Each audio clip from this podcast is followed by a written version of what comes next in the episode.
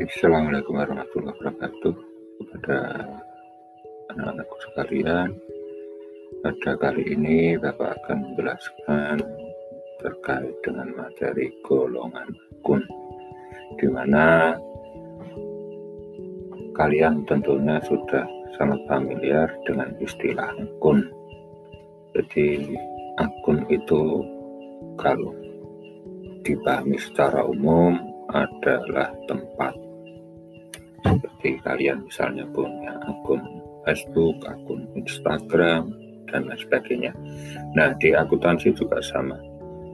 Untuk memudahkan bagi akuntan dalam bekerja, itu eh, hal-hal yang terkait dengan transaksi perusahaan itu digolong-golongkan ke dalam eh, akun-akun. Adapun yang dimiliki oleh suatu perusahaan jasa itu ada dua golongan. Yang pertama akun real, akun nyata, dan yang kedua adalah akun nominal.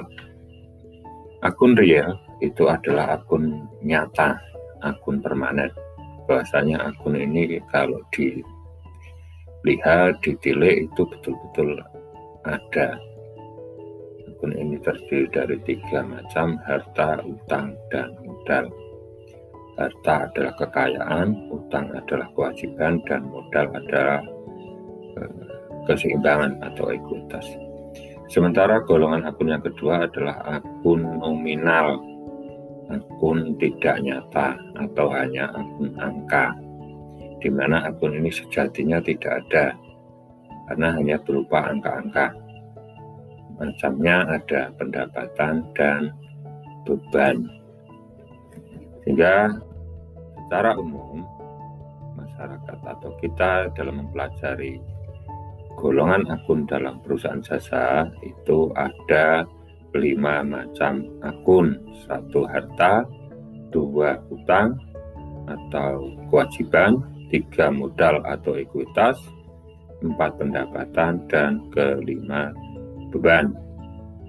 Demikian untuk materi golongan akun yang pertama ini. Terima kasih atas perhatian.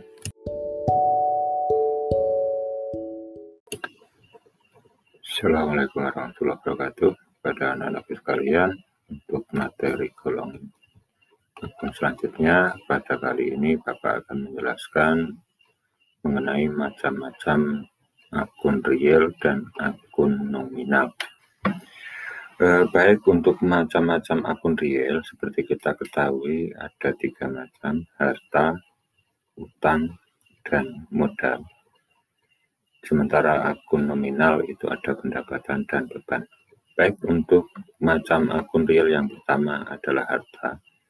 Harta terdiri dari satu harta lancar, artinya harta yang dipergunakan kurang dari satu tahun. Kemudian ada harta tetap, harta yang jika dipergunakan itu masa pakainya lebih dari satu tahun. Selanjutnya ada tidak harta tidak berwujud dan harta lainnya. Untuk harta lancar itu di mana kita ketahui ada paling tidak minimal lima macam yang nanti akan kita pergunakan untuk bersama-sama mempelajari akuntansi di waktu-waktu mendatang. Yang pertama adalah kas atau setara dengan uang tunai atau setara juga dengan simpanan di bank. Kemudian yang kedua piutang usaha. Tolong bedakan piutang ada piutang ada utang. Nah, yang piutang itu masuk kategori harta.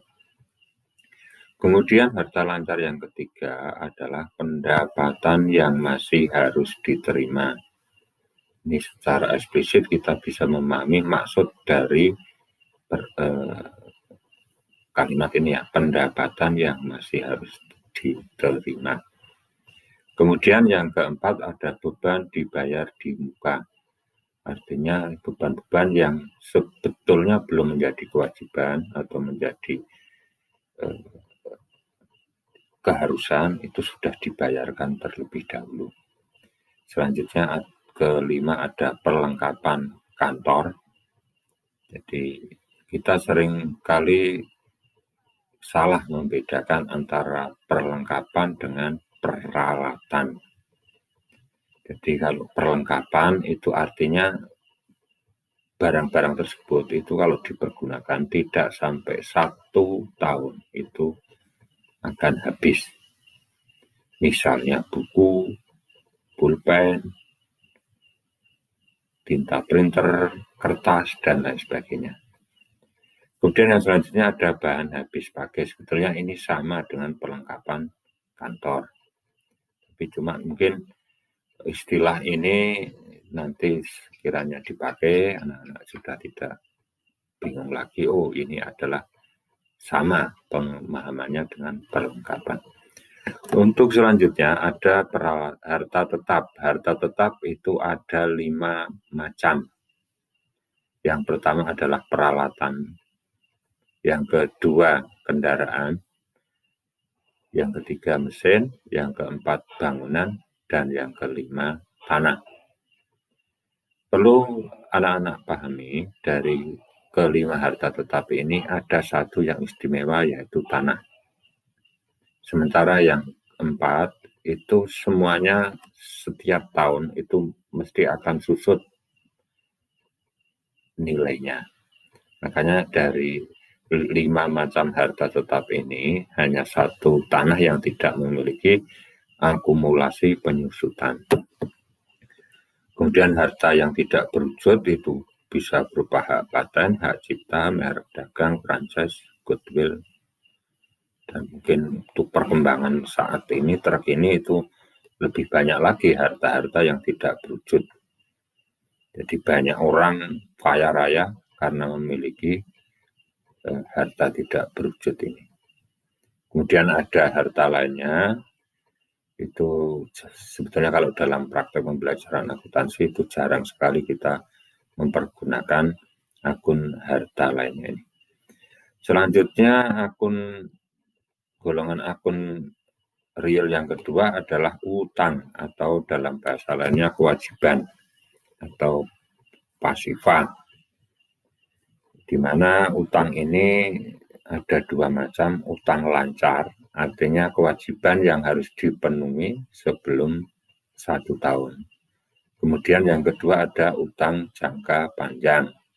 Otomatis ini pengertiannya adalah kewajiban yang harus dipenuhi lebih dari satu tahun. Kadang-kadang ada yang membedakan antara utang jangka menengah dan utang jangka panjang. Tapi kita secara simple kita gunakan dua saja, utang lancar dan utang jangka panjang.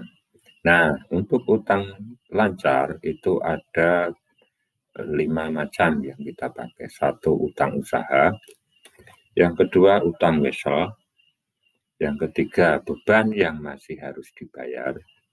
Jadi walaupun memakai kata beban, tapi ketika masih ada embel-embel yang masih harus dibayar, ini berarti kategorinya adalah akun real. Selanjutnya ada utang bunga, ada pendapatan diterima di muka. Jadi seharusnya belum memperoleh pendapatan, tetapi sudah diterima. Ya, berarti itu sama halnya dengan utang. Selanjutnya untuk utang jangka panjang itu ada utang bank, ya jadi untuk utang bank itu biasanya lebih dari satu tahun. Jadi kemudian yang kedua adalah utang hipotek, adalah utang yang harus menggunakan agunan harta tetap, bisa tanah, bangunan, kendaraan, dan sebagainya. Agunan itu adalah jaminan. Kemudian yang ketiga adalah obligasi atau bond. Ini surat tanda utang jangka panjang, bisa 10 tahun, 15 tahun, dan sebagainya. Ini biasanya yang mengeluarkan obligasi ini adalah perusahaan-perusahaan skala besar yang sudah go public. Selanjutnya untuk golongan akun real yang ketiga adalah modal. Modal itu bisa berasal dari modal pribadi, atau juga bisa berasal dari modal anggota atau kalau bentuknya perusahaan terbatas ya modal saham. Kemudian di akun modal itu juga ada akun yang bernama private. Private itu dari kata privat, pribadi. Jadi semua pengambilan uang perusahaan untuk kepentingan pribadi itu dikategorikan private. Itu untuk golongan akun real. Selanjutnya untuk akun nominal atau akun angka itu seperti kita ketahui ada dua, yaitu pendapatan, yang kedua adalah beban. Macamnya banyak sekali, tergantung dari situasi perusahaan. Satu hal yang perlu saya tandaskan, di mana akun yang kita katakan atau ditafsirkan sebagai akun pendapatan dan beban itu adalah yang murni menggunakan istilah pendapatan atau beban. Tapi ketika kita menjumpai akun beban atau pendapatan itu ditambahi dengan kata-kata diterima di muka atau dibayar di muka atau kata-kata yang masih harus dibayar, yang masih harus diterima. Itu otomatis masuk kategori akun real. Itu ya. Jadi kalau ada beban dibayar di muka itu adalah harta. Beban yang masih harus dibayar berarti utang. Pendapatan diterima di muka oh itu utang. Pendapatan yang masih harus diterima itu adalah harta. Dan juga tolong dipahami kata-katanya, kalau beban itu dibayar, kalau pendapatan itu diterima. Jangan sampai nanti kebalik, beban diterima di muka atau beban yang masih harus diterima itu salah.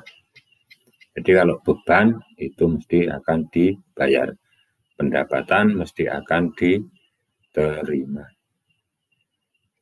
Demikian untuk penjelasan golongan golongan akun yang kedua. Mudah-mudahan bisa dipahami dan e, materi ini bermanfaat bagi kelanjutan belajar akuntansi kita di waktu-waktu mendatang. Sekian, banyak salah dari saya. Saya mohon maaf. Saya akhiri. Assalamualaikum warahmatullahi wabarakatuh. Assalamualaikum warahmatullahi wabarakatuh. Selamat berjumpa lagi pada pembelajaran akuntansi. Pada kali ini Bapak akan menjelaskan terkait dengan materi persamaan dasar akuntansi atau yang mungkin istilah populernya itu PDA. Eh, anak-anakku sekalian, sebetulnya persamaan dasar akuntansi ini bukan sebuah dokumen yang harus dibuat oleh akuntan.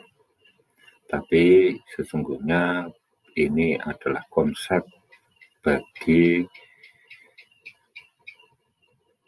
yang mempelajari akuntansi. Jadi ini hanya semacam alat bantu untuk memahami pekerjaan-pekerjaan dari seorang akuntan. Oke, seperti itu ya untuk persamaan akuntansi.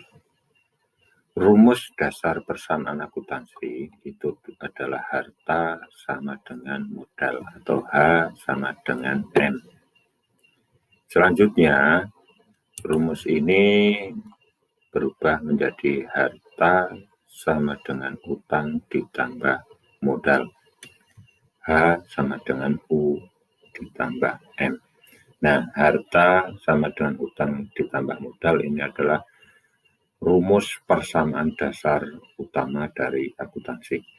Maka ketika kita menyusun persamaan akuntansi, itu ada dua sisi, yaitu sisi yang pertama, sisi aktiva, isinya adalah harta, yang kedua sisi pasifa, isinya adalah utang dan modal. Selanjutnya harus anak-anakku eh, pahami bahwasanya dari berbagai macam transaksi itu kita bisa mengidentifikasi ada tiga hal yang pokok ketika kita menyusun persamaan akuntansi. Yang pertama adalah transaksi-transaksi yang mempengaruhi harta atau aktiva. Yang pertama adalah pembelian harta secara tunai. Otomatis ini akan berpengaruh pada harta di sisi yang lain dan harta di sisi yang lain akan berkurang.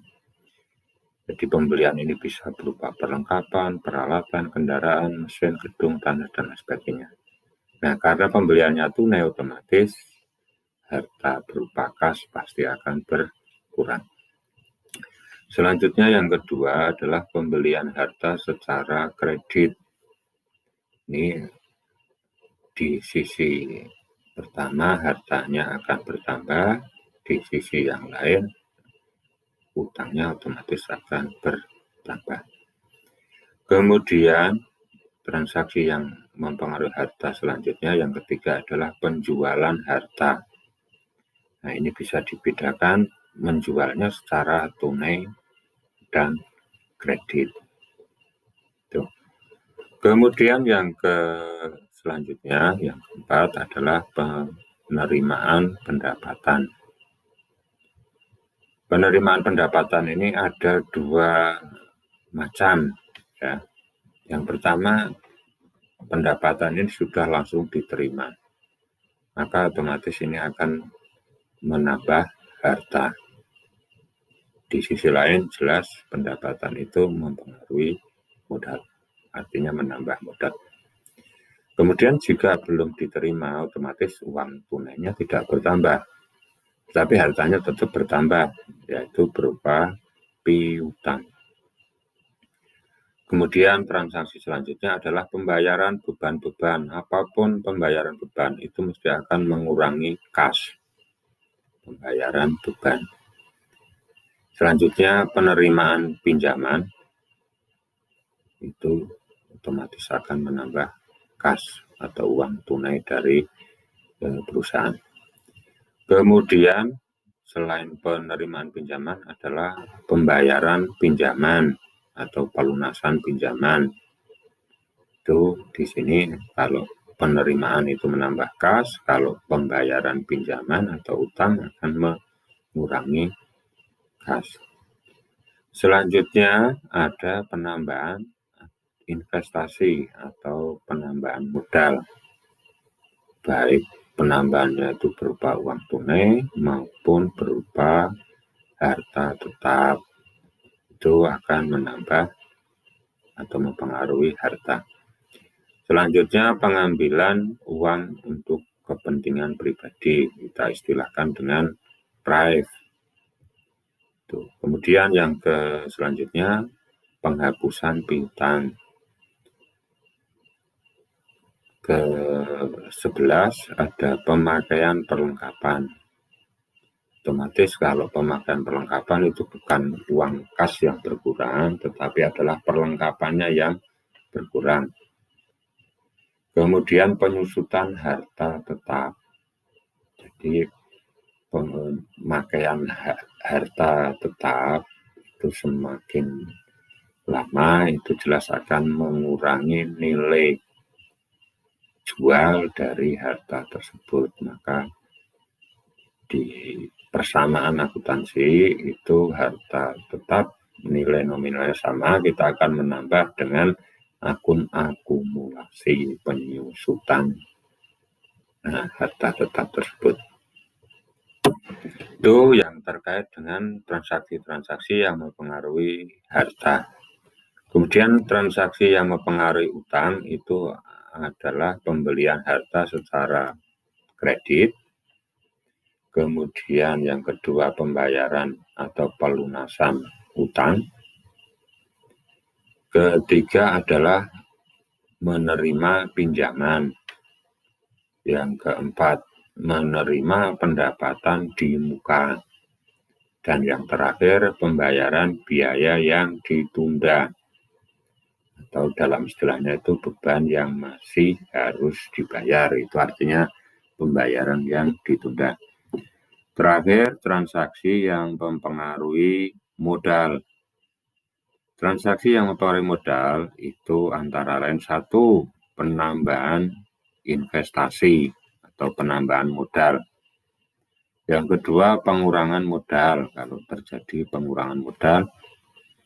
Kemudian yang ketiga, penerimaan pendapatan baik itu yang sudah diterima atau belum, itu semua pendapatan itu akan mempengaruhi modal. Yang keempat, pembayaran atau pemakaian tadi ya, pemakaian beban-beban. Jadi baik yang beban menggunakan kas maupun beban yang mengurangi nilai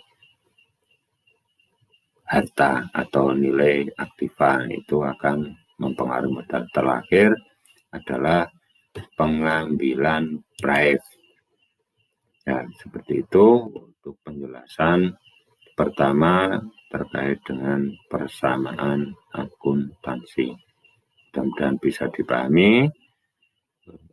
Dari saya, saya akhiri dulu banyak salah katanya mohon maaf. Assalamualaikum warahmatullahi wabarakatuh.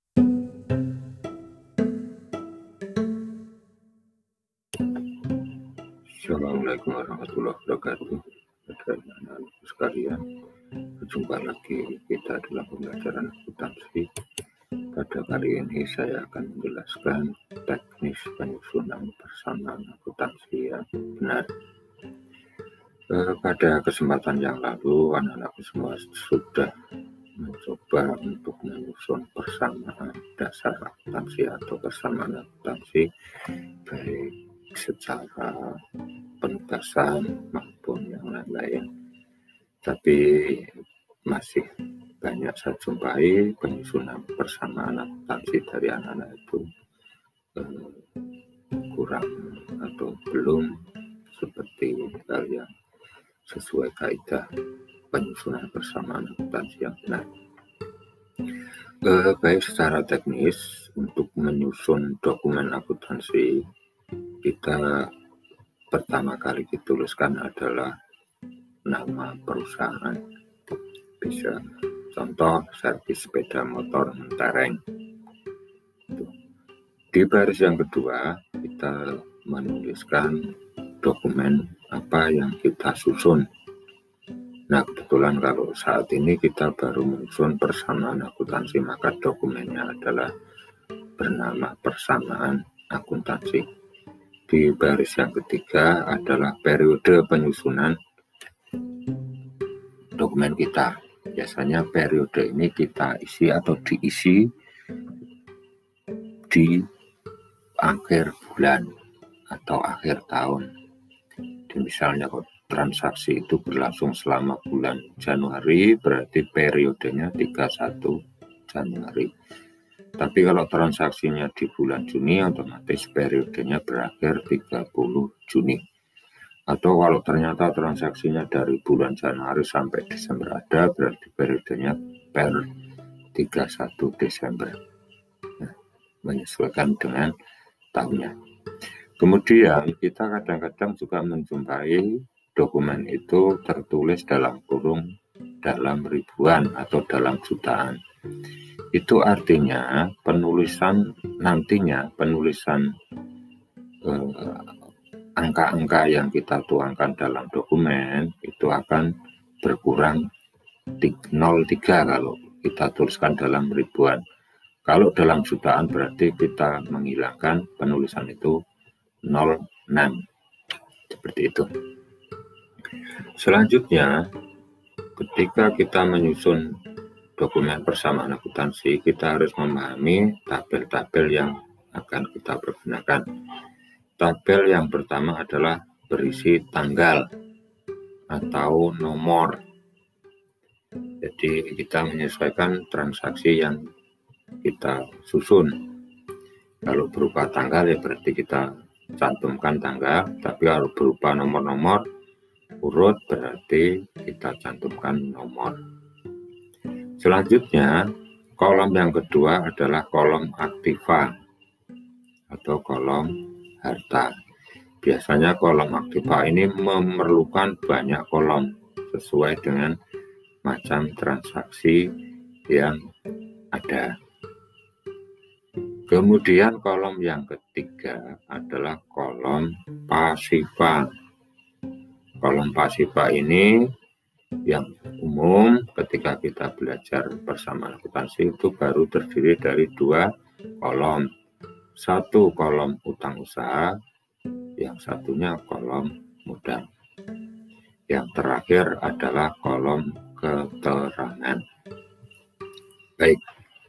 Selanjutnya, yang hal-hal yang penting harus kalian pahami satu, penyusunan persamaan akuntansi ataupun nanti ketika kita menyusun dokumen akuntansi yang lain, kita tidak boleh menyusun semau kita sendiri.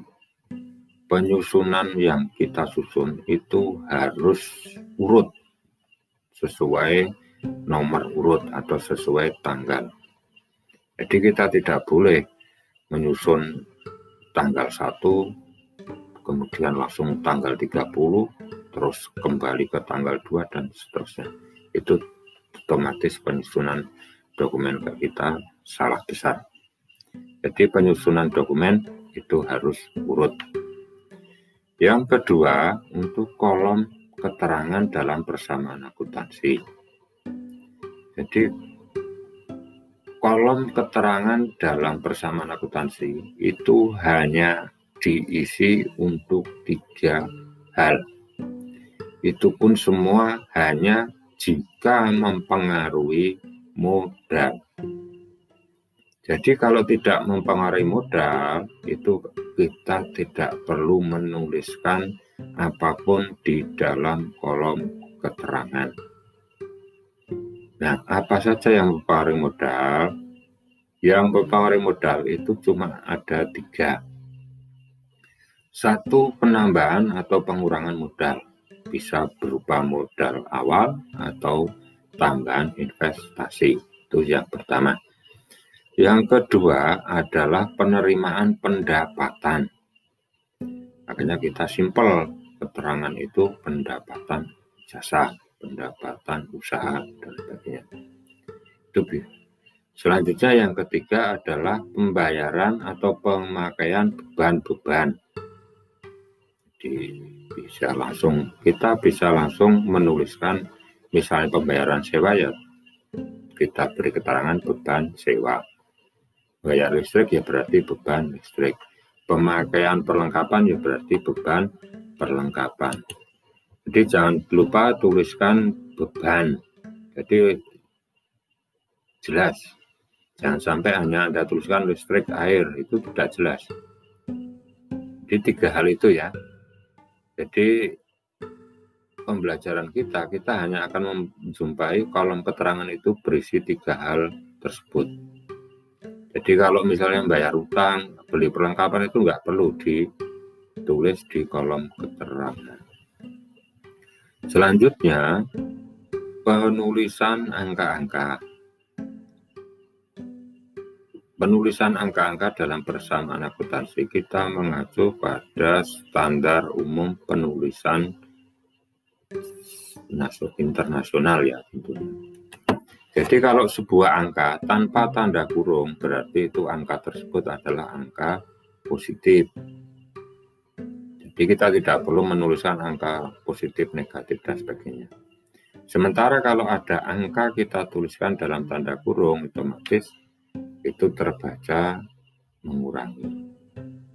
Di penyusunan dokumen kita itu harus